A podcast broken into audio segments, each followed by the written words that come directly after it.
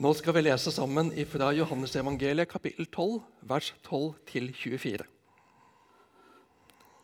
Dagen etter fikk folkemengden som var kommet til festen, høre at Jesus var på vei inn i Jerusalem. Da tok de palmegrener og gikk ut for å møte ham, og de ropte Hosianna. Velsignet er Han som kommer i Herrens navn, Israels konge. Jesus fant et esel og satte seg opp på det, slik det står skrevet. Vær ikke redd, datter Sion. Se, din konge kommer ridende på en eselfole. Dette skjønte ikke disiplene med det samme. Men da Jesus var blitt herliggjort, husket de at dette sto skrevet om ham, og at folkemengden hadde hilst ham slik. Alle de som hadde vært til stede da han kalte Lasarus ut av graven og vekket ham opp fra de døde, vitnet om det. Det var også derfor folk dro ut for å vitne om ham dro ut for å møte ham fordi de fikk høre at han hadde gjort dette tegnet. Fariseerne sa da til hverandre.: Der ser dere at ingenting nytter. All verden løper, løper etter ham. Det var noen grekere blant dem som var kommet for å tilbe under høytiden. De gikk til Philip, som var fra Betzaida i Galilea, og sa, 'Herre, vi vil gjerne se Jesus.' Philip gikk og fortalte det til Andreas, og sammen gikk de og sa det til Jesus. Jesus svarte, 'Timen er kommet da menneskesønnen skal bli herliggjort.' Sannelig, sannelig, jeg sier dere, hvis ikke hvetekornet faller i jorden og dør, blir det bare det ene kornet. Men hvis det dør, bærer det rik frykt. Slik lyder Herrens ord. Jeg småflirte litt for meg sjøl da jeg leste denne teksten første gangen. Fariseerne som er helt fortvila. Det nytter ikke. Ingenting nytter. De har prøvd å holde dette oppstyret om Jesus nede, men det vil ingen ende ta. Folk er begeistra for Jesus. Folk renner etter Jesus. De får ikke nok av Jesus. Jeg har ikke selv vært der. Jeg har vokst opp i et kristent hjem og ikke hatt den markante omvendelsen. Men det er fantastisk å være vitne til de som har hatt en radikal omvendelse. Det er som om lyset blir slått på. Det er så stort å oppdage hva Jesus har gjort for meg. Det er så stort å være en kristen. Det bare renner over hos dem. De kan ikke la være å fortelle og snakke om det. Jesus har gjort en radikal forandring i livene deres. Det er feststemning i byen. Det yrer av liv. Det er masse folk. Se for deg gamle Jerusalems smale gater. En by som til vanlig har om lag 100 000 innbyggere. Nå var det om lag 1,5 millioner mennesker der. Det nærmer seg høytid. Det nærmer seg fest. Den største høytiden i året. De skal feire påske. De skal feire hvordan Gud grep inn i folkets historie og satte dem fri. De var slaver i Egypt. De var undertrykt, og de ble behandlet dårligere og dårligere. Men Gud grep inn. Gud befridde dem fra slaveriet på mirakuløst vis. Gud frelste dem. Som sokneprest i år i Hallingdal så fikk jeg gleden av å ta imot barnehagegrupper som kom i kirka for å oppleve hva kristen påske handler om. Vi dramatiserte i fellesskap, store og små, de ulike dagene i påska. Bl.a. palmesøndag, da Jesus red inn i Jerusalem. Og Barna stilte seg opp langs begge sider langs midtgangen og med, vifta med palmegrener og tok syngende imot Jesus. Tenk å være der i Jerusalem den dagen. Være en del av folkehavet. Hylle Jesus. Å bære palmegrener var et uttrykk for triumferende hyllest til en konge eller en som har vunnet en stor seier. Noen går ut for å møte Jesus, andre følger etter han. Dette er helten! Hosianna! Eller det hebraiske opphavet Hoshiana. Frels! Frels nå! Det yrer av forventning i folket. Dette er han! Dette er mannen. Dette er Messias. Dette er Israels nye konge. Nå skjer det. Nå skal vi bli fri. De har vært undertrykt av folk etter folk. Nå er det romerne som har okkupert landet. Men det skal det bli slutt på. Ikke sant, Jesus? Jesus vet hva de tenker. Jesus kjenner deres forventninger. Jesus ser deres korte perspektiv. Frelse nå blir for dem befrielse fra politisk makt og undertrykkelse. Det er jo vel og bra, men dere skjønner ikke hvor roten ligger. Dere ser ikke deres egentlige problem. Problemet er ikke dem. Problemet er ikke utenfor dere. Problemet er inni dere. Nå er det romerne som undertrykker. Snart vil det bli andre folk eller andre ting. Snart er det Facebook og alle glansbildene som dere innbiller dere at dere skal matche. Og dere mister troen på dere selv, og dere krymper dere og mister frimodigheten. Snart er det toleransekrav som en ensidig parole for å kjempe fram rettigheter til ulike grupper i samfunnet. Men det blir ikke mer tolerant. Det blir ikke lettere å være menneske. For det handler om krav. Det handler om frihet uten rammer. Det handler om å dyrke mennesket, dyrke individet, selvrealisering. Ikke å bygge fellesskap. Ikke å underordne seg og innordne seg det en ble skapt til. Til liv i Gud. Godt, trygt og livgivende fellesskap med Gud og hverandre.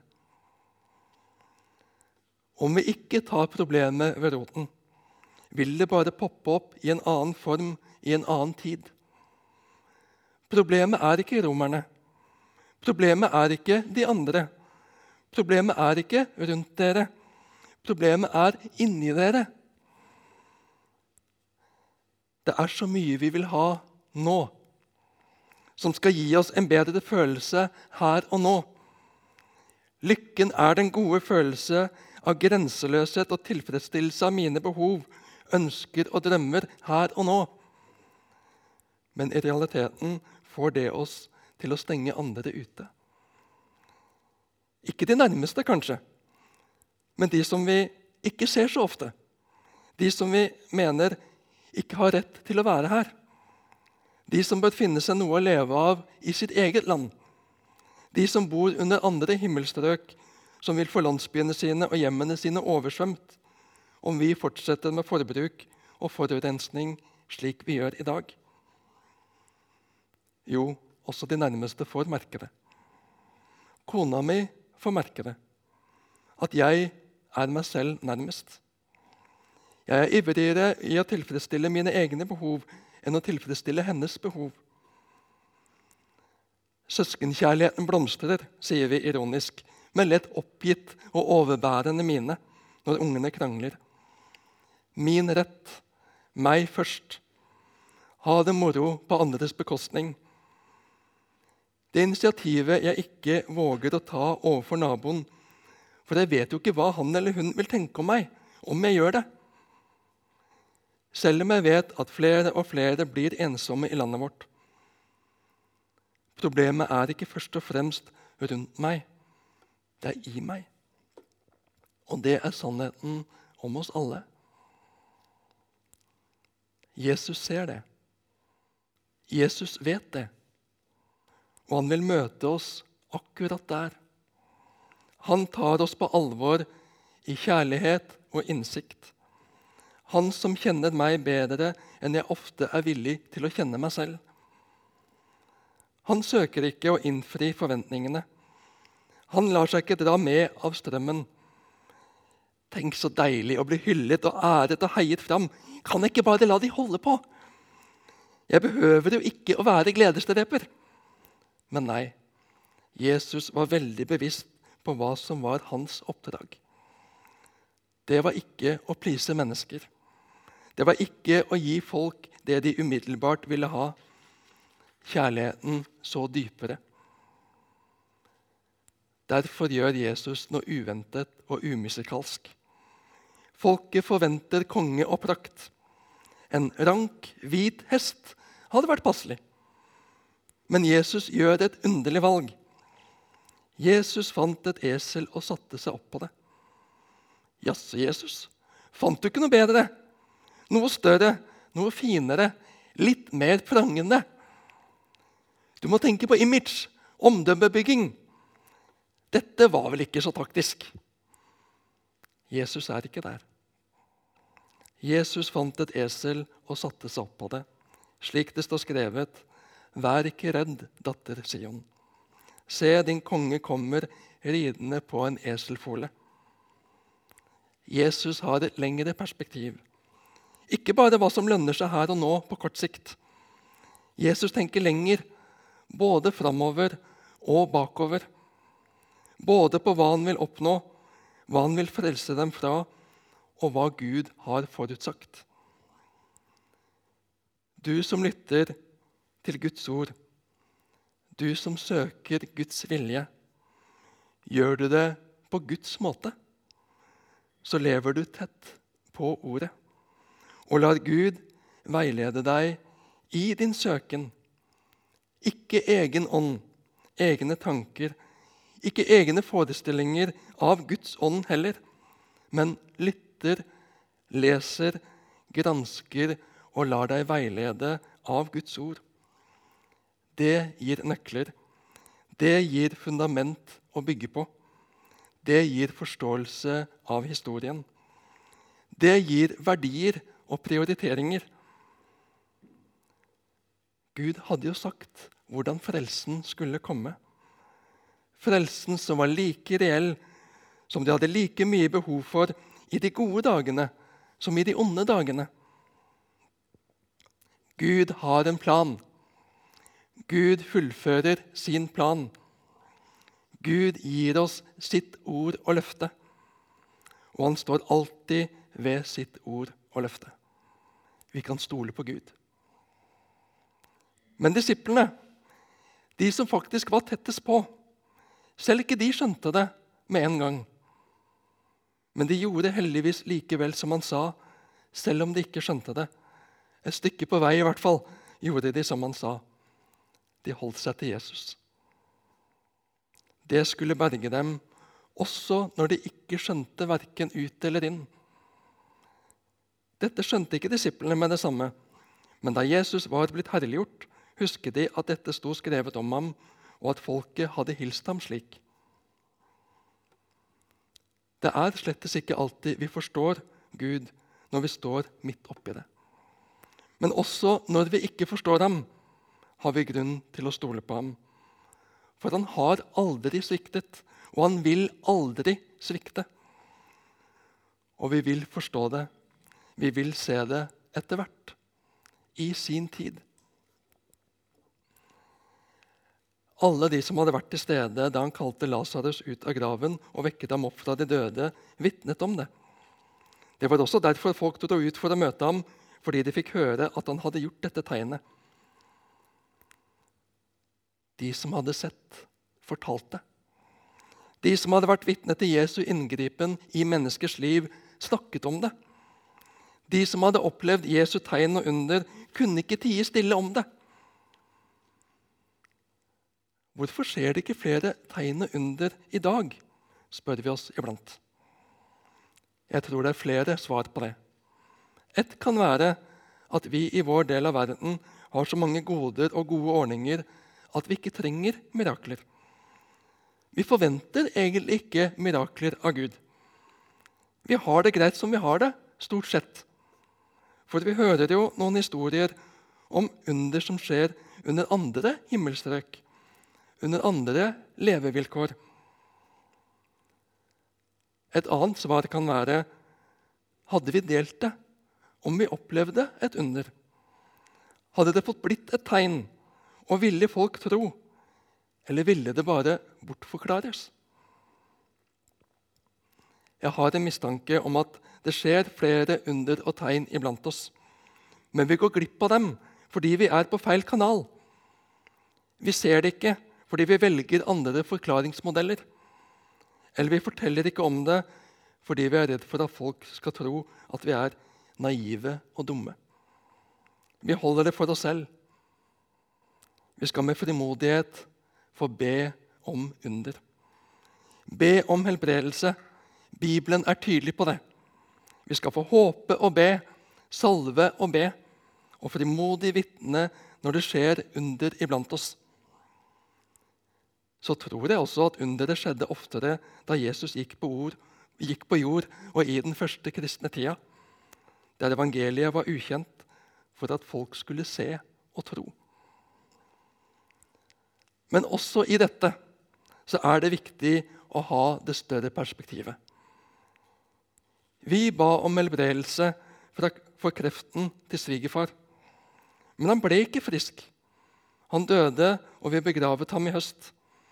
Det var tungt, det var sårt, og vi kan kjenne på savn. Samtidig vet vi at han kan ikke ha det bedre enn han har det nå. Hjemme hos Jesus. Vi har det beste igjen. Enhver helbredelse er midlertidig. På denne syndens jord skal vi alle dø om ikke Jesus kommer igjen før. Jesus kom ikke for å gi oss et evig liv her på denne jord hvor ondskapen har fått rom. Jesus kom for å frelse oss fra ondskapen i oss og rundt oss. Alt som skiller oss fra Gud og hans renhet og godhet. Jesus kom for å hente oss hjem til seg. Fariseerne gjorde det de kunne for å stoppe Jesus. De stolte på egen kunnskap og visdom, selv om de skulle ha alle forutsetninger for å kjenne Gud og forstå Guds plan som de skriftlærde de var. Vi ser dessverre flere eksempler opp gjennom historien på religiøse ledere, prester og kirkeledere som ble Guds motstandere. Menneskelig makt, prestisje og anerkjennelse kom i veien og fjernet dem fra livet i Gud. Og den fristelsen står vi overfor alle. Hva får prege meg egentlig? Hva har makt over meg egentlig? Hva andre sier, eller hva Gud sier? Mens alle menneskelige piler og indikatorer peker oppover og sier suksess. Folk strømmer til Jesus. De hyller ham, er begeistra for ham ja, til og med grekere, andre etniske grupper, begynner å få øynene opp for denne mirakelmannen. Så følger ikke Jesus deres vei og suksessoppskrift. Jesus svarte, 'Timen er kommet da menneskesønnen skal bli herliggjort.' Jo, herliggjørelse og glans og heder, det liker vi. Det har vi sans for. Men hvordan det skal skje, oppleves veldig motstridende for oss. Sannelig, sannelig, jeg sier dere, hvis ikke hvetekornet faller i jorden og dør, blir det bare det ene kornet. Men hvis det dør, bærer det rik frykt. Når populariteten er på topp, når folk hyller Jesus og vil gjøre ham til konge, går Jesus en helt annen vei for at hans liv virkelig skal bære frukt. For at det han vet han kom for, skal lykkes. Og ikke bare tilfredsstille massene her og nå. Han skal dø. For det er gjennom å dø han kan hjelpe oss med vårt egentlige problem.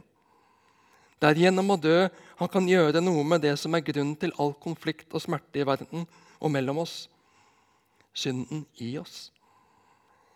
Den er han villig til å bære. All vår synd tok han på seg da han ble døpt. Døperen Johannes sa, 'Se der, Guds lam som bærer bort verdens synd.' Nå er det siste etappen for å fullbyrde det.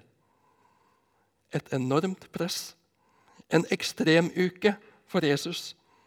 Folk som ikke skjønner sitt eget beste. Folk som skal forråde og svikte på det groveste. Folk som skryter av egen lojalitet og trofasthet. Som skal bli borte når det virkelig røyner på. Og de som virkelig tror de representerer Gud, skal ta livet av Gud. Gud som har blitt menneske for å gjøre opp for menneskene. Så dyp en kjærlighet. Ennå er det fryd og gammen på overflaten. Foreløpig hyller folk ham i skarer med palmegrener og jubelrop. De har tro på Jesus. De hyller Jesus. De har forventning til Jesus. Men forventningene skal ikke innfris. Jesus ser lenger. Hans kjærlighet er dypere. Troen som var forankret på egne forventninger i folk, smuldrer hen. Troen som var forankret i Guds ord, blir stående. En ny tro vil vokse frem. En dypere tro. En tro som er forankret i Guds ord og hjerte, framfor i mitt eget ord og mitt eget hjerte. I Ham som ser lenger. Hans kjærlighet som er dypere. Han som vil gi deg håp som varer. Gjennom alt. Gjennom alle omstendigheter. Gjennom alt som kan og vil skje her i jordelivet, helt til det står frelst og fri hjemme hos Gud. Amen.